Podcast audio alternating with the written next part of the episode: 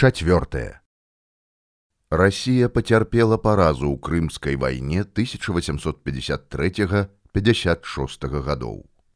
На расійскі трон у 1855 годзе ўзышоў цар Александр II. Наступіла нейкая зладжанасць расійскай палітыкі ў адносінах да каралеўства польскага. Прыйшла вясна, так званая севастопольская адліга і ажыўлення эканамічнага і культурнага жыцця. У варшаве заснавана ў 1857 годзе медыцынская хірургічная акадэмія, а праз год ствараецца сельскагаспадарчае таварыства. Кіраўнік яго Анджей Замойскі. Акрамя гэтага ліквідоўваецца мытная мяжа з рассіяй у 1851 годзе удала укараняецца эканамічна-палітычная кан'юнктура, якая з'яўляецца буйным штуршком у развіцці прамысловасці, сельскай гаспадаркі, гандлю, росквіт гарадоў, асабліва варшавы. Але насуперак гэтаму, ці ў дадатак да гэтага, пад канец 50-х гадоў пад дэвізам сацыяльных рэформаў і барацьбы за незалежнасць і самастойнасць значна актывізаваліся ўсе слаі грамадства на тых землях, якія анексіравала Расія. Найбольш яскрава праявілася тое ў вёсках каралеўства польскага, а гэтак жа літвы і беларусі, ліцвініі. Абвастрыліся зямельныя канфлікты. Пашыралася незадавальненне ад прымусу адбываць паншчыну гэта адчувалі тыя, хто быў набліжаны да расійскага цара. Тое найбольш адчуваў і ведаў цар. 1861 год. Александр II нечакана для многіх выдае распараджэнне аб вызваленні сялянаў ад прыгонніцтва. У тое цяжка было паверыць, і сяляне на пачатку сапраўды не верылі добраму цару бацюхну. Распараджэнне не толькі адмяняла паншчыну, а яшчэ і давала сялянам права ўласнасці на тую зямлю, якую яны доўгі час апрацоўвалі за мізэрны выкуп. Шмат каго гэта радавала, але не ўсіх. Асабліва тых, хто жыў у каралеўстве польскім, у літве, беларусі і ва ўкраіне на тыя землі распараджэнне не распаўсюджвалася. Гэта дадаткова абвастрыла сітуацыю ў вёсцы. У навучальных установах Киева, Масквы і Петербурга, як грыбы пасля дажджу пачалі ўзнікаць патаемныя канспіратыўныя арганізацыі сярод студэнцкай моладзі. А студэнты ў асноўным выхадцы з літвы, Беларусі і Украіны. Нават у акадэміі генеральнага штаба ў Петербурзе афіцэр расійскай арміі Зыгмунд Серакоўскі арганізаваў польскі тайны гурток афіцэраў, да якога быў далучаны і капітан Ярослаў Дамброўскі. Яго імя пазней увойдзе ў гісторыю як аднаго з будучых і актыўных кіраўнікоў парыскай камунны 1871 года. А ў Киеве пачаў дзейнічаць тройніцкі саюз, які здолеў аб'яднаць польскіх і украінскіх студэнтаў. Тайныя саюзы пачалі ўзнікаць таксама ў навучальных установах варшавы, акадэміі мастацтваў і медыцынскай хірургічнай акадэміі. Палітычную эміграцыю на той час узначаліў Людвіг Мераслаўскі. Ён пільна сачыў за падзеямі якія бурна пачалі развівацца на шырокай тэрыторыі. Пачынаючы ўжо з 1860 года ў варшаве і яе правінцыях, а затым ужо і літве, адбываюцца патрыятычныя выступленні.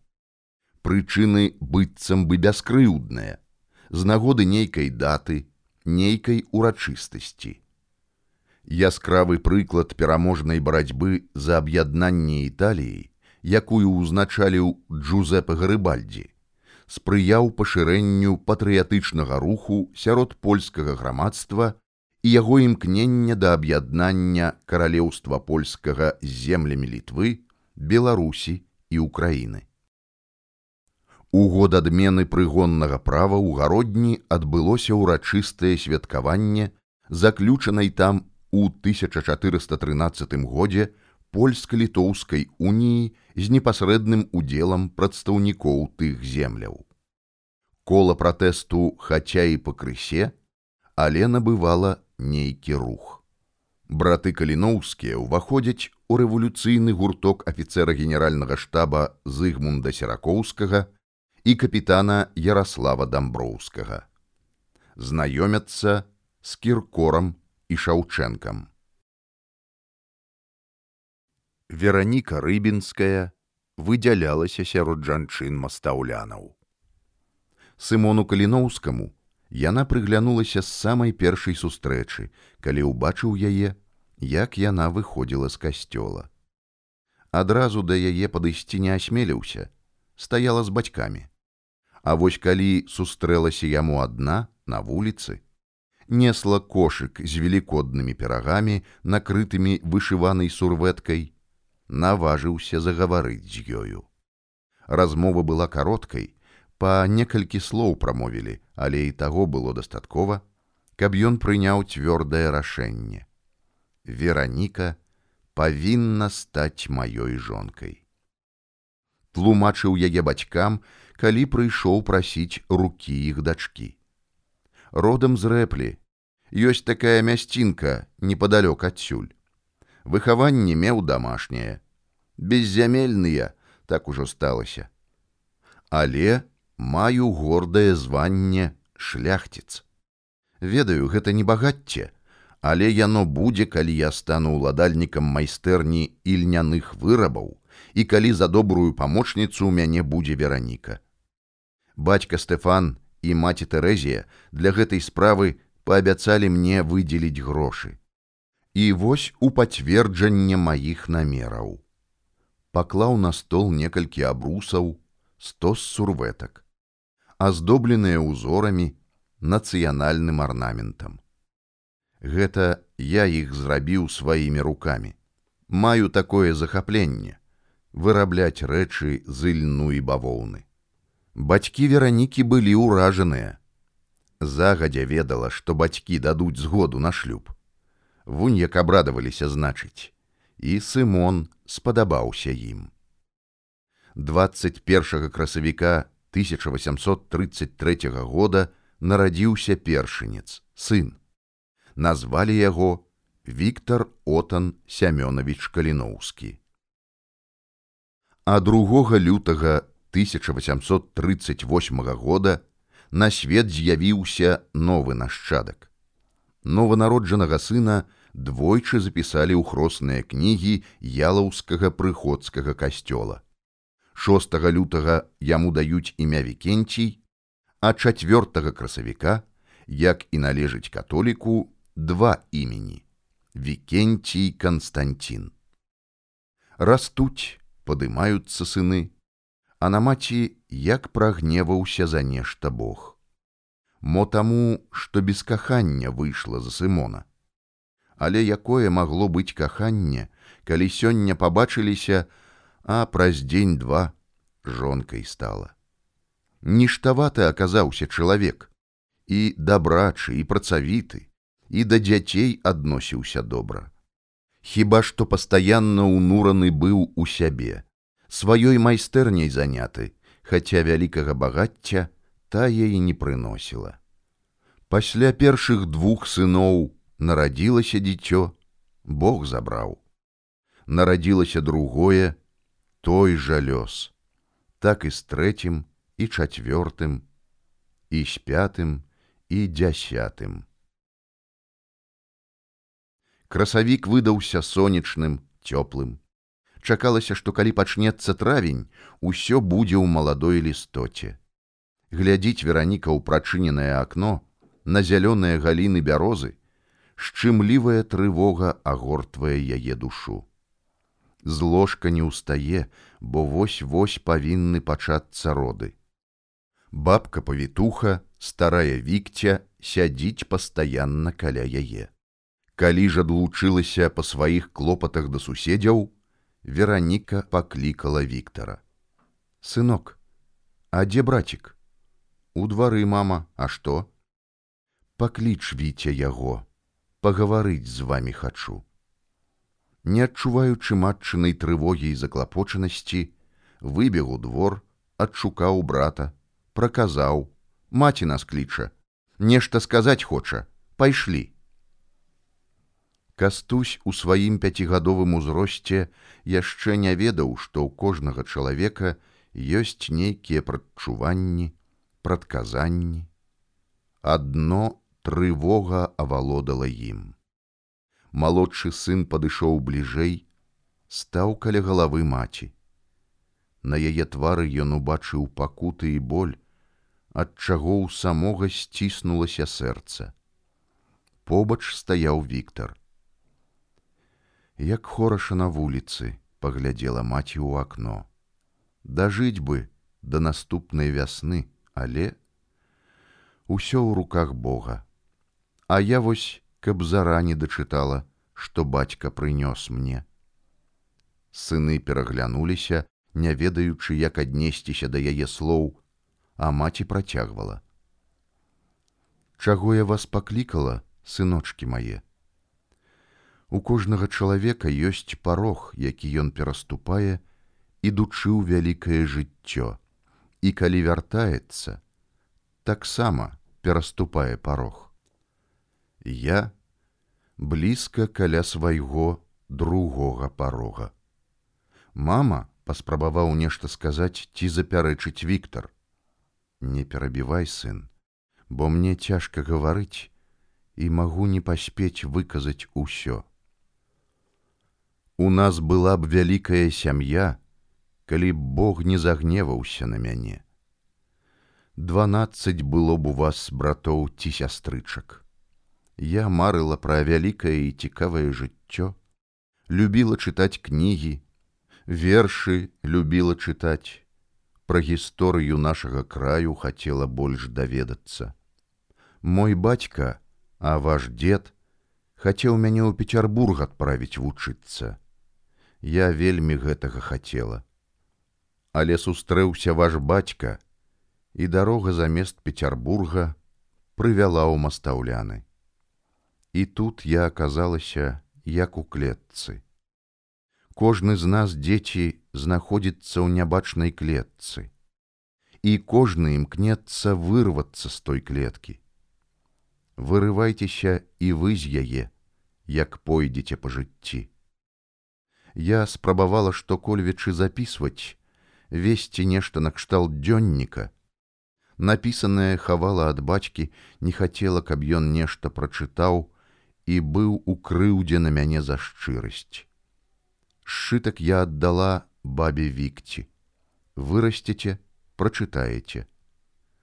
А цяпер дайце сыны мне вашыя руки. Кастусь падаў левую, а Віктор правую руку. Маці злучыла іх, сціснула, колькі ставала сілаў. Ніколі не разлучайцеся. Ніколі не крыўдзіце адзін аднаго. Вам будзе цяжка, без дапамогі цяжка.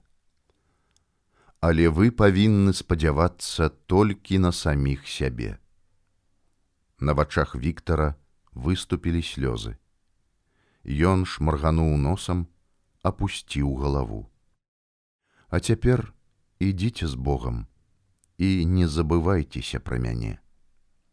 Прыйшла баба вікця і адразу ж у пакой да парадзіхі. Прыйшоў пад вечар і сымон каліноўскі. А потым пачуўся крык маці.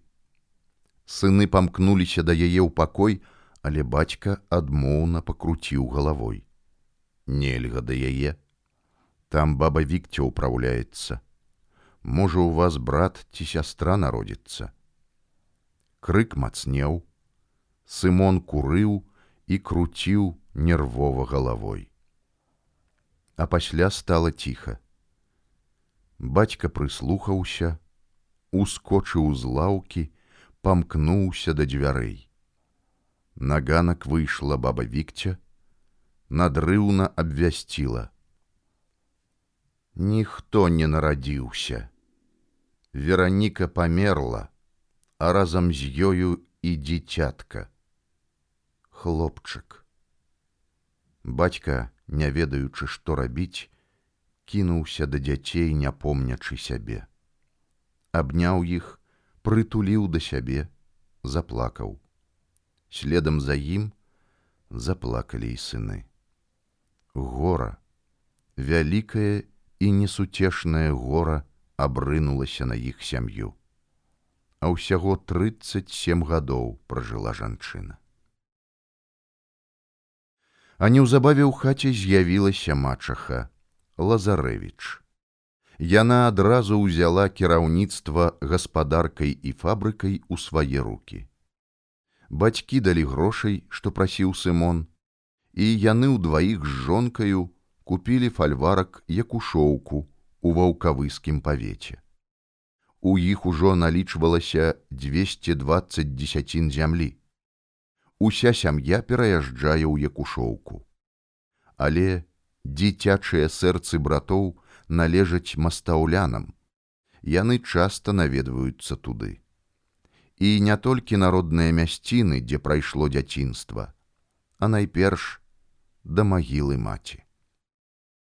Лазарэвіч нарадзіла сямёну пяцёра дзяцей. А праз нейкі час у той жа свіслацкай гімназіі у канцылярскай кнізе аб вучнях, якія паступілі ў вучэбныя установы беларускай вучэбнай акругі на 1847-48 вучэбны год з'явіўся запіс. Спіс вучняў першага класа. Нумар 28 Каліноўскі Вікенцій Канстантин Сямёнаў сын. Віктор у гэты ж час вучыўся ў чацвёртым класе гімназіі.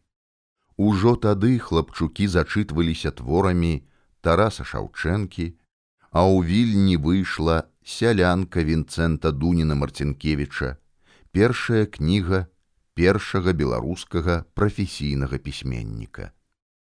А яшчэ праз два гады выйшаў у свет маніфест камуністычнай партыі.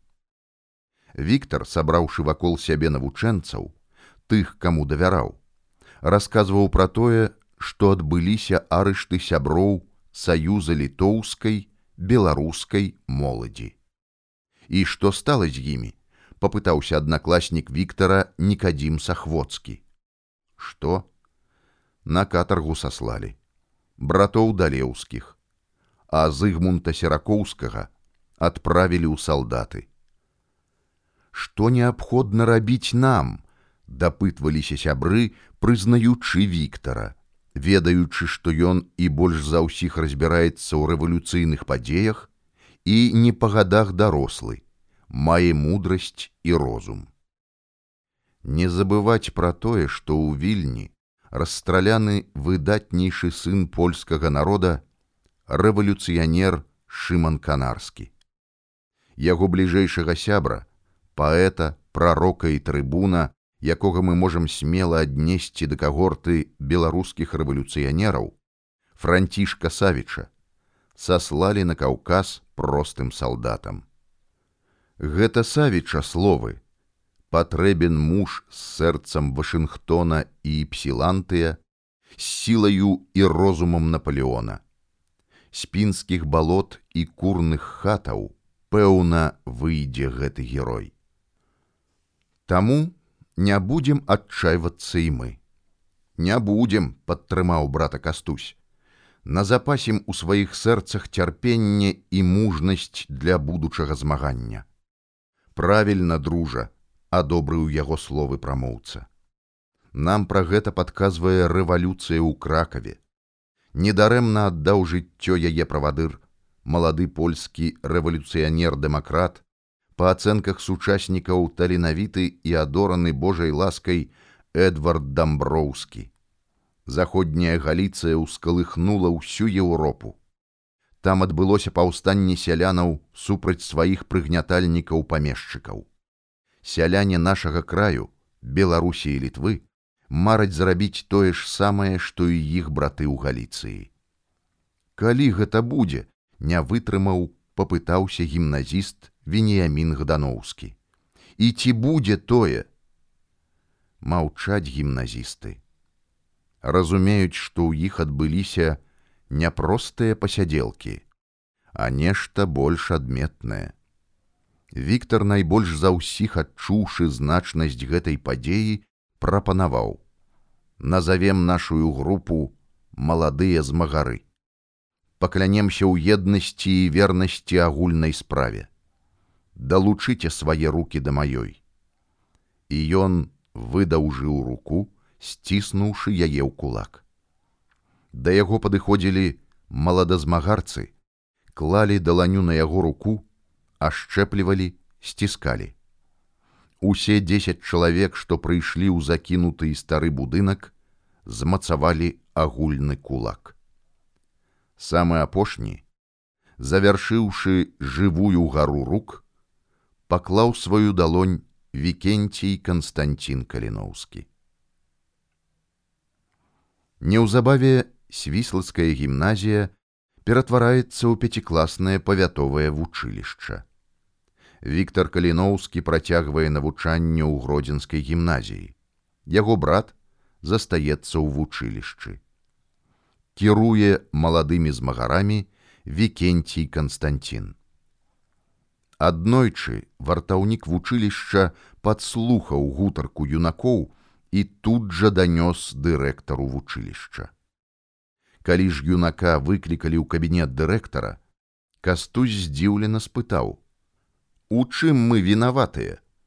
Тады хай разам з намі адказвае і настаўнік літаратуры зыгмунд янович чаму ён уперыўся дырэктар янушоў чорнымі вачыма ў хлопца Ён даў нам заданне напісаць да новага года вершыкі прысвечаныя нашай вучобе. Ды на кожнага выкладчыка. Мы сабраліся ў адрынцы і разам пісалі іх. Янушоў не паверыў у шчырасць кастуся, перапытаў: « Дык чаму ж вы ў класе не збіраліся? Вам жа ніхто не забараняў?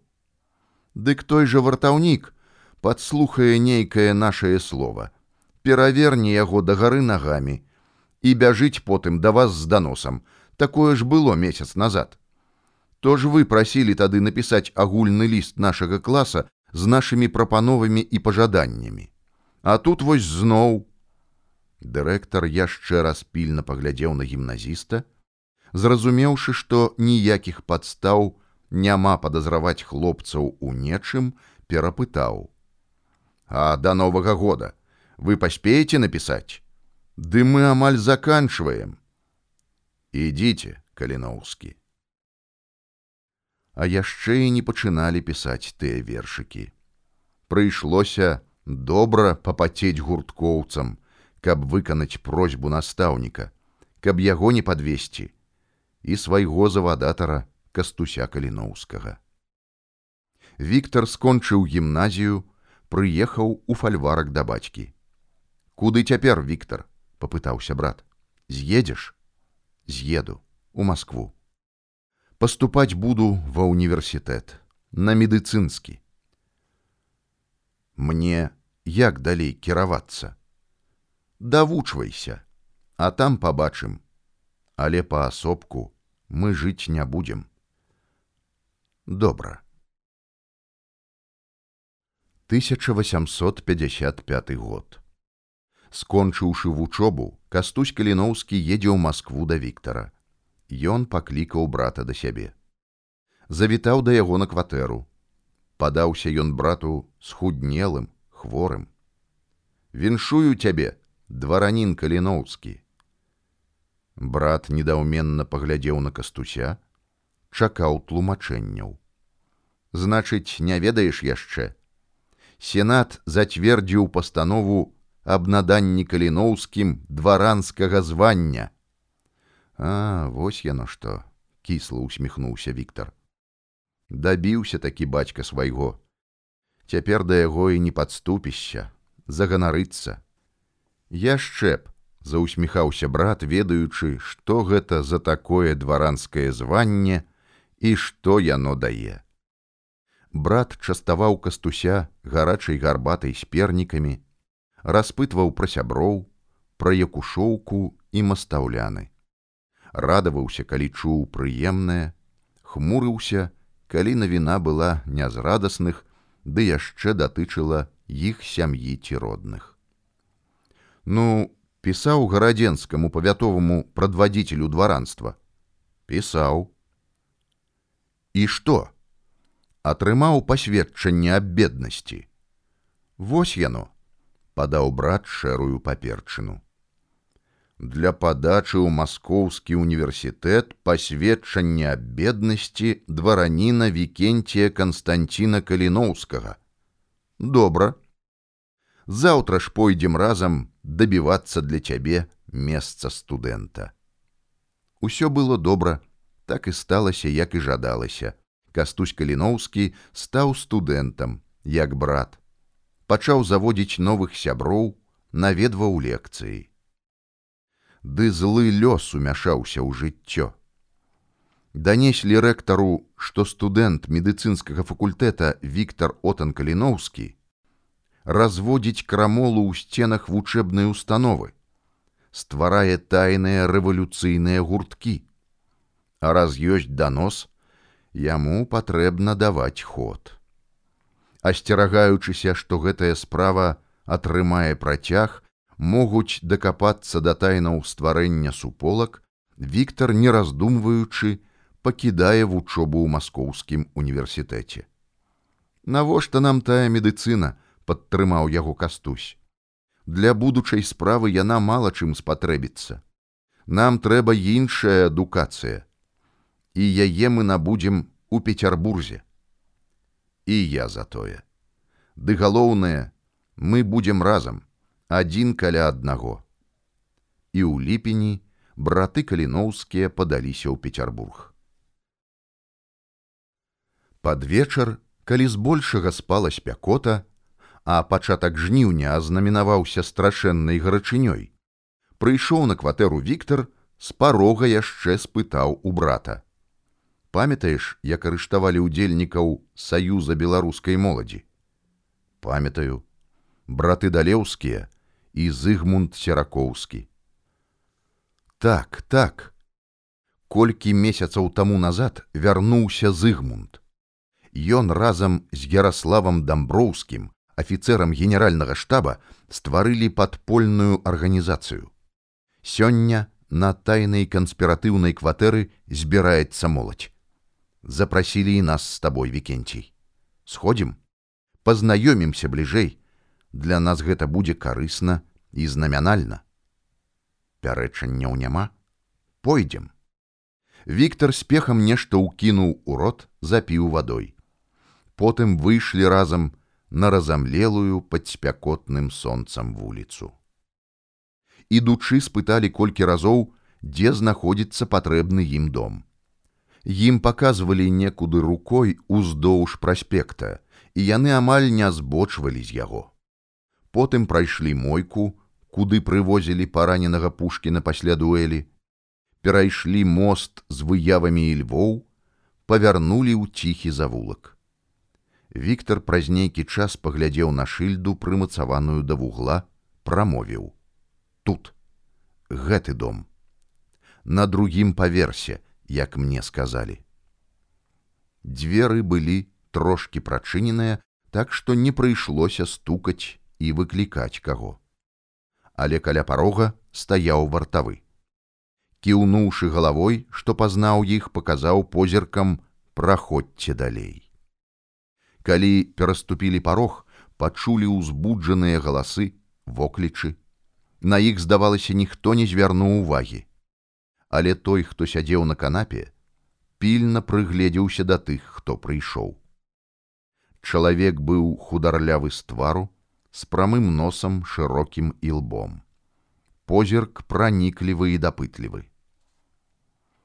Каго маем гонар бачыць перапыніў спрэчку цігамонку той чалавек прыўзняўся. Просім садіцца ёсць некалькі свабодных крэслаў наперад выйшаў Віктор. Мы браты каліноўскія. Я Віктор Отан. Ён Вікенцій Канстантин. А я Зыгмунд Серакоўскі. А гэта побач са мной Ярослаў Дамброўскі, афіцэр генеральнага штаба. Яшчэ ў нас афіцэры Зыгмунд Падлеўскі і Людвіг Звяждоўскі, Эмануэль Юндзіл, Ян Козел і Юзеф Каліноўскі. Студэнт ляснога інстытута Валерыў Рублеўскі. Амаль усе, хто далучаны да нашай тайнай арганізацыі выхадцы з Беларусі і літвы. Мы цесна звязаны з расійскімі рэвалюцыянерамі. Ужо калі паселі, Віктор датлумачыў: Калі вас арыштавалі, я вучыўся ў свіслацкай гімназіі. Потым кастусь далучыўся да мяне. Пасля я вучыўся ў гарадзенскай гімназіі, праз нейкі час апынуўся ў Маскве і брат туды ж пазней прыехаў. Але прычапілася да мяне начальства, збіраліся за рэвалюцыйную прапаганду выключыць з універсітэта. Тады мы з братам рашылі перабрацца сюды ў піцер. Сёння кастусь на трэцім курсе. Дзякую сябры, што прыйшлі да нас. А тут сабраліся тыя, хто любіць свабоду, ненавідзіць царызм і дэспатычны прыгнёт рашаем, як далей нам жыць. Стварылі канспіратыўны польскі гурток. Збіраемся, абмяркоўваем становішча справаў, выпрацоўваем тактыку будучых дзеянняў. Як у вас там у паўночна-заходнім краі, як празваў царызм літву і Беларусь. На гэты раз патлумачыў кастусь каліноўскі сялянства незадаволена прыгонным правам.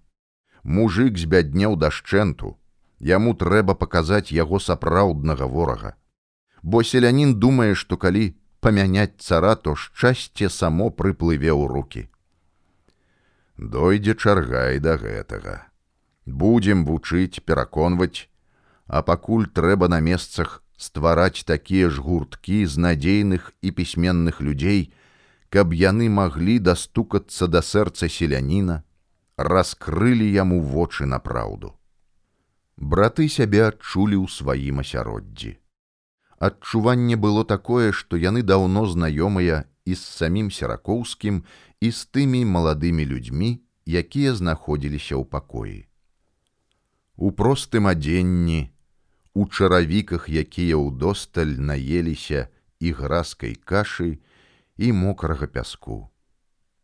Хлопцы загула, землякі з вільні мазыра чарнігава. У сурдутах, скроеных і пашытых хіба згучаў і світак, што дома былі бадай без патрэбы.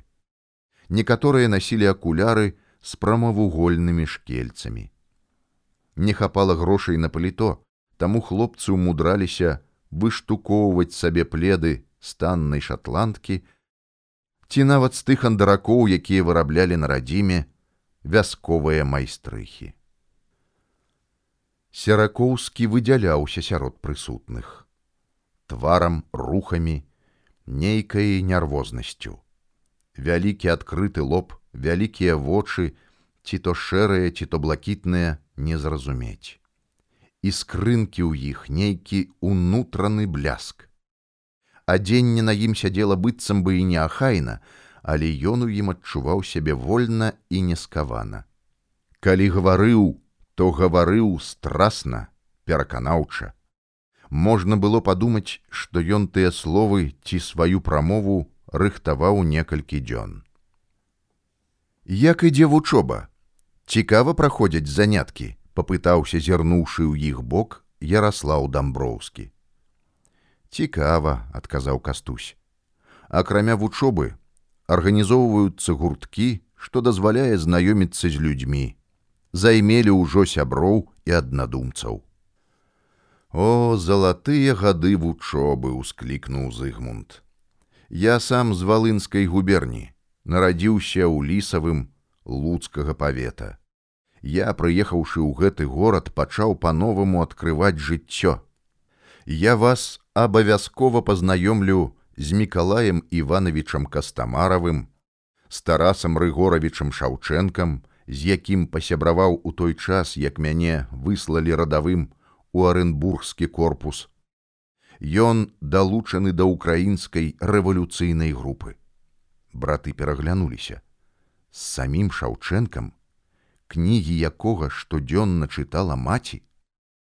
Там жа і пасябраваў з браніславам залескім дабралюбаў чарнышеўскі яны наш штандар арыенцір і духоўны кірунак руху наперад. На заканчэнне гаварыў ярослаў дамброўскі. Ён падняўся з крэсла адставіў яго ў бок сам прыхінуўся спінай да шафы, склаўшы руки ззаду, гледзячы спачатку на братоў каліноўскіх, прамовіў: Я, як вайсковы чалавек, хацеў бы пачаць з галоўнага. Сёння прыйшлі першыя ўдзельнікі нашага гуртка. З цягам часу нас будзе болей і болей. Таму для нас сёння галоўнае дзве рэчы жалезная дысцыпліна і строгая канспірацыя. Бо мы з гэтага дня адказваем не толькі за свае жыцці, а і за жыцці іншых. Перавёўшы позірк ужо на іншых, спакойна прадоўжыў. Мы павінны разбіцца на групы. Мы павінны стварыць кіраўніцтва, зацвердзіць яго, абраць сакратароў і скарбніка, паштальёна, які апавяшчаў бы кожнага з удзельнікаў аб тэрміновай сходцы ці наадварот адмяняў яе, калі будзе пагражаць нейкая небяспека. Я хацеў бы пачуць вашыя прапановы і думкі на гэты конт. Давайте спакойна іх абмяркуем, прыйдзем да нейкай высновы. Прамовы маладых афіцэраў гучалі горача і страсна. Як людзі ваенныя, яны былі прыхільнікамі неадкладнага дзеяння супраць царызму, тлумачачы гэта тым, што шмат ваенных, радавых афіцэраў і нават генералаў незадаволеныя цяперашнім становішчам як у арміі, так і ва ўсім краі. Спакайней, спакайней, сябры мае, усміхаўся Ярослаў. Усе пытанні трэба абмяркоўваць з халодным розумам, узважваць узважваць і яшчэ раз узважваць тое, што мы прапаноўваем. Цярпліва трэба і прыслухоўвацца да думкі астатніх. Пасля гэтага размова пайшла ў больш спакойнае рэчышча. Выказвалі сваё бачанне будучай сітуацыі і каліноўскія. Ярослаў і Зыгмунд з цікавасцю слухалі іх. Потым, калі браты каліноўскія бліжэй сыдуцца з Ярославам дамброўскім, то шмат пра яго даведаюцца цікавага і пранікнуцца вялікай павагай да гэтага чалавека.